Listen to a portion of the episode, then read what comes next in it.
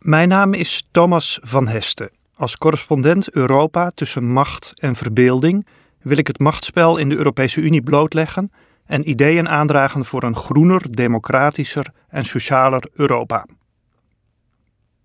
Dit verhaal is een bewerking van mijn hoofdstuk uit het boek Dit was het nieuws niet.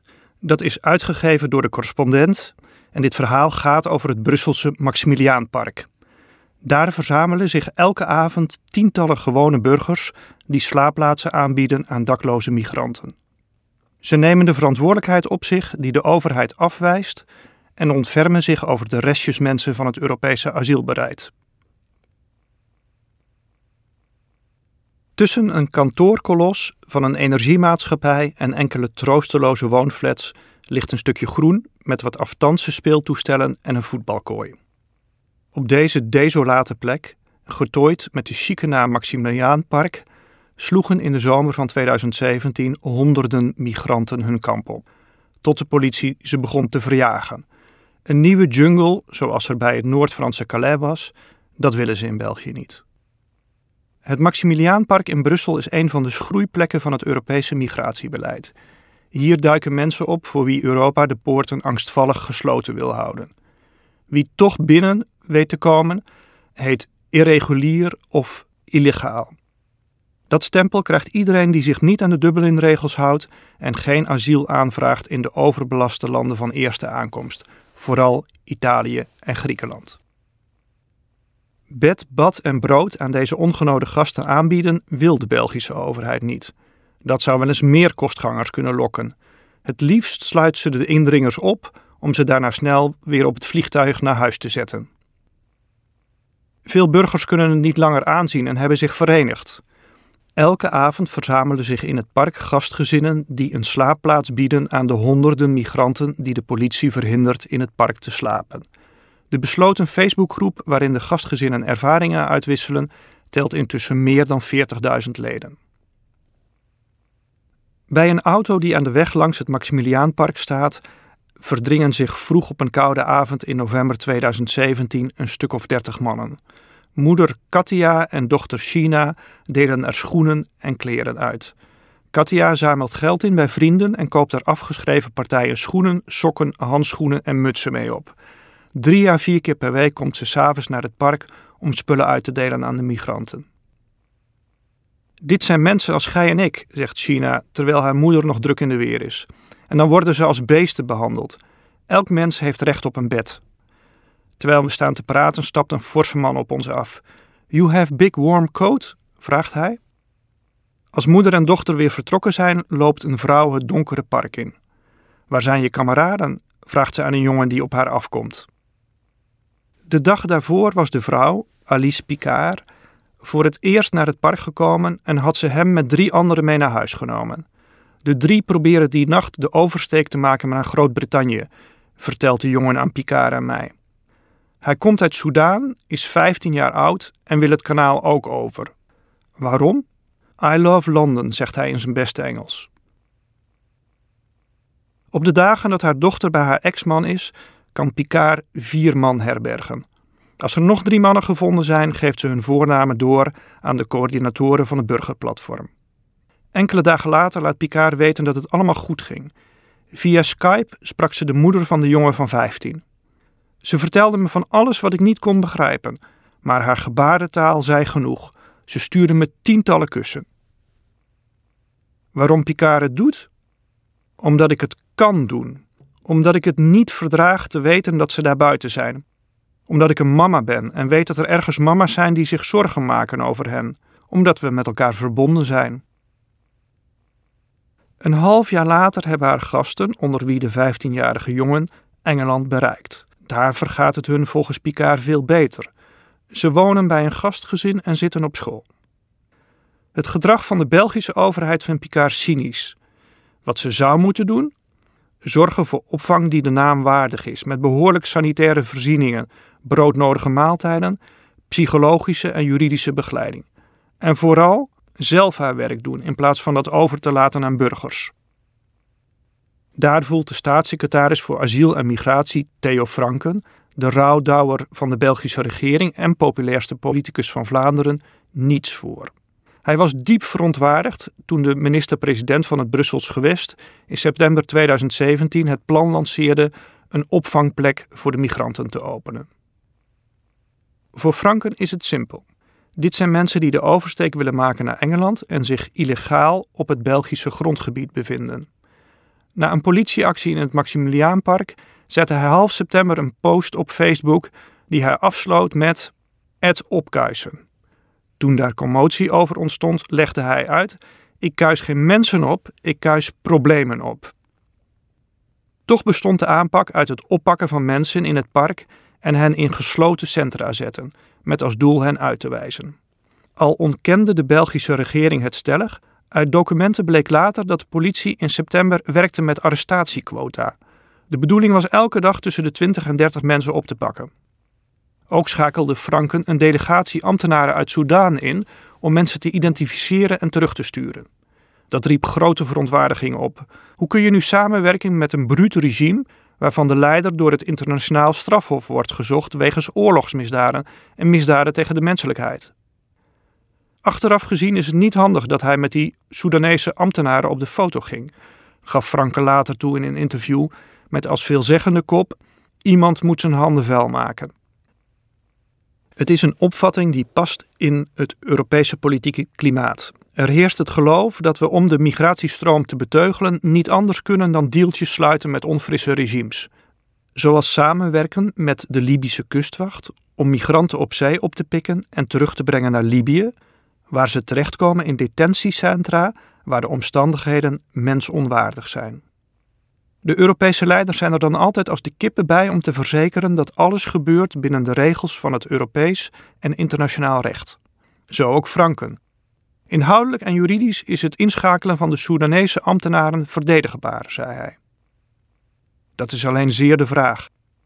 Een Luikse rechter oordeelde in oktober 2017 dat de identificatiemissie en de uitzettingen verboden waren. Franken noemde die uitspraak bizar. Zijn redenering deze mensen vragen geen asiel aan en zijn dus niet bang voor politieke vervolging in eigen land. Geen belemmering dus om ze het land uit te zetten. Zo eenvoudig is het vaak niet. Veel Soedanezen zouden wel asiel in België willen aanvragen, maar kunnen dat niet omdat hun vingerafdruk al in Italië is genomen. Als die eenmaal gezet is, moeten ze volgens de Dublin-regels ook ter plaatse asiel aanvragen. Maar het Italiaanse asielsysteem kan het grote aantal mensen helemaal niet aan. De situatie in de opvangkampen is uitzichtloos. De wachttijden zijn er eindeloos. En als het de migranten al lukt er asiel te krijgen, weten ze dat ze in Italië allesbehalve welkom zijn. Zeker in het Italië van Matteo Salvini, de minister van Binnenlandse Zaken, die het tot zijn missie heeft gemaakt zijn land niet langer het vluchtelingenkamp van Europa te laten zijn. Vandaar dat velen proberen door te reizen naar elders in Europa. België bijvoorbeeld, waar de overheid ze ziet als illegale indringers en de politie hen poogt op te pakken. Hoe het de migranten in de detentiecentra vergaat is onduidelijk. Jammer genoeg worden hun persoonlijke spullen afgepakt, ook hun telefoon, zegt Nel van de Vanet van Dokters van de Wereld. Daardoor is contact niet meer mogelijk. Ik spreek haar in de trein als ze onderweg is naar een overleg aan de Belgische kust. Daar willen de meeste gemeenten niet eens over opvang praten. Het helpt niet het bestaan van deze migranten te ontkennen, vindt Van de Vanet. Brussel is nu eenmaal knooppunt van verkeersaders richting havensteden als Calais, Zeebrugge en Antwerpen, waar migranten de oversteek naar Engeland wagen. En in een metropool als Brussel is het makkelijker zich te verstoppen. Al lukt dat niet altijd. Bij politieacties worden migranten opgepakt. Velen van hen zijn in gesloten centra vastgezet, soms ook kinderen. Heel problematisch, zegt Van der Vanet. Minderjarigen, daar is internationale rechtspraak over, mogen nooit omwille van migratie vastgezet worden. In december 2016 riep de mensenrechtencommissaris van de Raad van Europa Franken op te stoppen met het vastzetten van migrantenkinderen en in de Belgische wet vast te leggen dat dit verboden is. Franken trok en trekt zich daar niets van aan. In zijn jongste nota asiel en migratie schrijft hij dat hij de capaciteit in gesloten centra wil verdubbelen naar meer dan duizend plaatsen en uitbreiden met familieeenheden waar ook minderjarigen kunnen worden vastgezet bij manifeste weigering terug te keren. Maanden later zitten de gesloten centra waarschijnlijk vol, want bij politieacties worden migranten opgepakt, één of twee dagen in de cel gehouden en dan weer op straat gegooid. Een beleid van ontrading en repressie met weinig zinvolle effecten, vindt Van der Van Het. Na kritiek op haar hardhandige optreden was de politie begin 2018 een tijd minder actief rond het Maximiliaanpark. Maar in juni zijn er weer heel intensieve politieactie geweest, zegt Van der Van Het. Later zal haar organisatie een onthutsend rapport publiceren over politiegeweld tegen migranten op doorreis in België. Eén op de vier zegt slachtoffer te zijn geweest van geweld en vernedering, lopend van klappen tot urenlange opsluiting zonder kleren in koude cellen. Terug naar die gure novemberavond in 2017. Humanitaire organisaties delen in het park bakken eten uit. Tientallen mensen schuiven het blauwbekkend naar binnen. Iets na negenen komt Medi Kassou het park ingestoven, de woordvoerder van het burgerplatform. De vlotte Kassou loopt al handen schuddend, schouderklopjes uitdelend en brandjes blussend door het park. Hij en de andere vrijwilligers proberen de mensen die kinderen hebben of ziek zijn als eerste onder te brengen. De gezonde jonge mannen moeten soms uren wachten tot ze zijn toegewezen aan een gastfamilie die hen wil meenemen. Een jonge vrijwilligster bijt van zich af als een van hen boos aan haar jasje trekt. Ik ben elke avond vijf uur aan het werk om een plek voor jullie te vinden. Ik had net een gezin voor je gevonden, nu laat ik een ander voorgaan. Ook maanden later, in juni 2018, is het niet allemaal pais en vrij. Een Somalisch echtpaar is boos op een vrouw die hen heeft geweigerd. Met jou zijn er altijd problemen, zou ze tegen de man hebben gezegd. Een half uur loopt hij agressief achter een medewerker van het burgerplatform aan. Die blijft opvallend kalm en goed gemutst. Zo is het eigenlijk altijd op de avonden dat ik er ben. De vrijwilligers hebben een engelengeduld en een permanente glimlach. Urenlang zoeken ze naar matches tussen groepjes migranten en gastgezinnen. Die laatste zijn er van alle leeftijden. Een groep studenten neemt vier mannen mee om in de huiskamer van hun studentenhuis te slapen te leggen. Een statig echtpaar van rond de 70 heeft een kamer over voor twee gasten. Net als Inke Daams en haar dochter. Als ik hen in november tref, zijn ze er drie weken geleden mee begonnen. Ze willen elke week één avond mensen meenemen. Dat leek eng, maar is super gemakkelijk en leuk, zegt Daams. Waarom ze het doet? Ik kan niet tegen het idee dat mensen twee kilometer van mijn huis buiten moeten slapen en de politie hun slaapzakken afpakt. Een half jaar later, vertelt ze aan de telefoon, komen drie jonge Eritreërs bijna elke nacht bij hen slapen. Twee Egyptenaren komen regelmatig douchen en hun was doen. In het begin wilden Daams en haar dochter geen vaste gasten om niet te veel een emotionele band met hen te krijgen, maar het is er toch van gekomen, zegt ze. Het is dankbaar werk, verklaart Medica Sou. Hij kent gastgezinnen die reageerden met: Je gaat onze vrienden toch niet afpakken? toen er sprake van was dat er officiële opvang zou komen. Hij hoort ook steeds vaker dat migranten eigenlijk in België willen blijven. Ze zeggen: de mooiste mensen van de wereld zijn de Belgen. Die officiële opvang is er intussen ook gekomen. Het burgercomité brengt mensen niet langer alleen onder bij families, maar het heeft ook in een kantoorgebouw in Haren, een randgemeente van Brussel, een nachtopvang in beheer waar 300 mensen kunnen slapen. Die knuffelpolitiek, zit Theo Franken, belet niet dat er opnieuw mensen op kartonnen dozen in de open lucht slapen. Op een warme dag in juni 2018 hangen in het park over hekken slaapzakken uit te waaien. In het gras liggen opgevouwen dozen. Rond acht uur s avonds zitten lange rijen migranten op plastic folie hun door humanitaire organisaties uitgedeelde eten te verorberen. Voor medische bijstand en kleren kunnen ze terecht bij een humanitaire hub vlakbij het park. Eerst in een aftans flatgebouw, later in een leegstaande kantoorruimte op station Brussel-Noord. Laureen van Asje van Oxfam, de organisatie die er kleding uitdeelt, heeft een lange lijst van spullen waar de grootste vraag naar is. Schoenen, slaapzakken, warme jassen, lange onderbroeken, zoals onze grootouders droegen, handschoenen, sweaters, mutsen, bidtapijtjes, somt ze op. We doen wat we hier doen omdat het hard nodig is, zegt Van Asje. Maar eigenlijk is het de taak van de overheid. Wij vinden dat het niet kan dat de overheid alleen haar verantwoordelijkheid neemt als iemand asiel aanvraagt. Alle mensen hebben basisrechten. Ze verwijst naar het Europees Sociaal Handvest, waarin staat dat ieder mens recht heeft op basisvoorzieningen.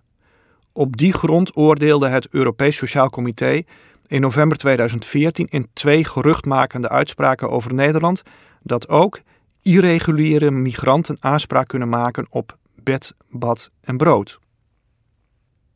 Het Maximiliaanpark is een symptoom van het Europese migratiebeleid, vindt Van Asje. Oxfam's standpunt is dat er geen migratiecrisis is, maar dat die is ontstaan door de Europese reactie. Door migratie alleen als een probleem te zien en geen legale routes te creëren. Het is een rechtstreeks gevolg van het EU-beleid dat hier mensen in het park naar een slaapplek zoeken. Op een koude novemberdag komen in de hub de hele middag migranten samen. Een man uit Eritrea steekt een sweater omhoog die hij net heeft gekregen. Dit is heel mooi, zegt hij enthousiast. God bestaat. Toch is het lot hem vandaag niet goed gezind. De politie heeft hem een brief gegeven.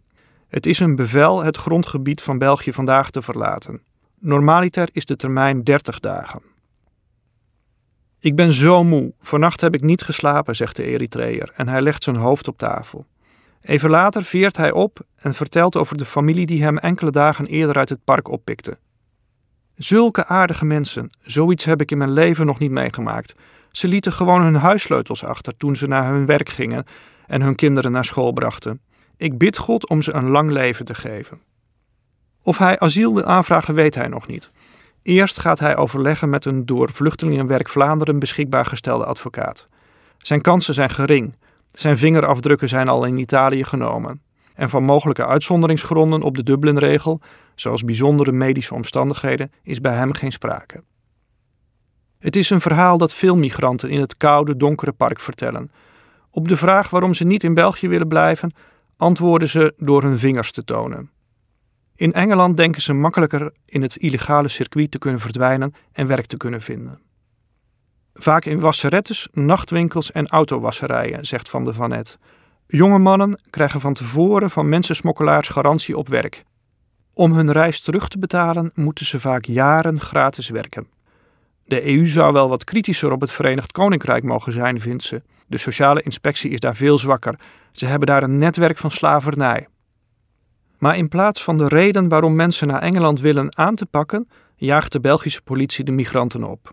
Er zijn ook s'nachts vaak acties, zegt Van de Vanet. Mensen worden wakker gemaakt. Als ze in de hub komen, zijn ze vaak heel vermoeid. Als ze moe zijn, komen de emoties over wat ze allemaal meegemaakt hebben vaak nog zwaarder terug. Moe is ook de man die zich op een maandagmiddag in juni 2018 opkrult op de vloer van de hub in station Brussel Noord. Voor hij en de andere gasten binnenkomen, houden de medewerkers van de hulporganisaties een voorbespreking over de mogelijke gasten en hun problemen. Mensen met wonden aan de voeten van het vele lopen zonder fatsoenlijk schoeisel. Anderen met wonden van martelingen die ze in Libië hebben ondergaan. Een jongen die zich prostitueert en behoefte heeft aan hulp. In de wachtzaal niet over praten, meteen naar de arts brengen is het advies. Via een kale betonnen trap Vanuit een donkere onderdoorgang van het station mogen de gasten vanaf half twee in plukjes van vijf naar boven. De ingang vanuit de binnenkant van het station is te gevaarlijk voor hen. Daar maakt de federale in plaats van de lokale politie de dienst uit en lopen ze meer kans op arrestatie. In de loop van de middag komen er tegen de 200 mensen langs. De meesten alleen om hun telefoon op te laden. Sommigen om in het systeem Trace the Face van het Rode Kruis naar familie te zoeken die net als zij is gevlucht. Een jongen zwaait met een lege strip pillen die hij in Italië heeft gekregen en die hij dringend nodig heeft. Even later vertrekt een vrijwilligster met hem naar de apotheek. Terwijl ik met een medewerker van Dokters van de Wereld praat, begint verderop in de gang een man te schreeuwen. Psychologische problemen legt ze even later uit, als de rust is weergekeerd. De situatie waar deze mensen in zitten is de slechtste die je je kunt indenken. Ze weten nooit wanneer ze zullen slapen en eten. Bedankt voor het luisteren. Wil je meer weten over de belangrijke ontwikkelingen van deze tijd? Lees dan ons boek Dit was het nieuws niet. Daarin vertellen in totaal 23 correspondenten je onmisbare verhalen die niet zo snel in het journaal zullen komen, maar wel een dieper inzicht geven in hoe de wereld werkt. Ben je lid van de correspondent? Onder het artikel stel ik de vraag: Vind je dat de overheid transmigranten bad, bed en brood moet bieden? Of hebben zij hun rechten verspeeld door zich niet aan de regels te houden en illegaal in het land te verblijven? Leuk als je meepraat. Maak je ons nog niet mogelijk? Je kunt lid worden van de correspondent voor 7 euro per maand. Zo steun je onze podcasts en krijg je toegang tot alle verhalen. Ga naar www.decorrespondent.nl. Heel erg bedankt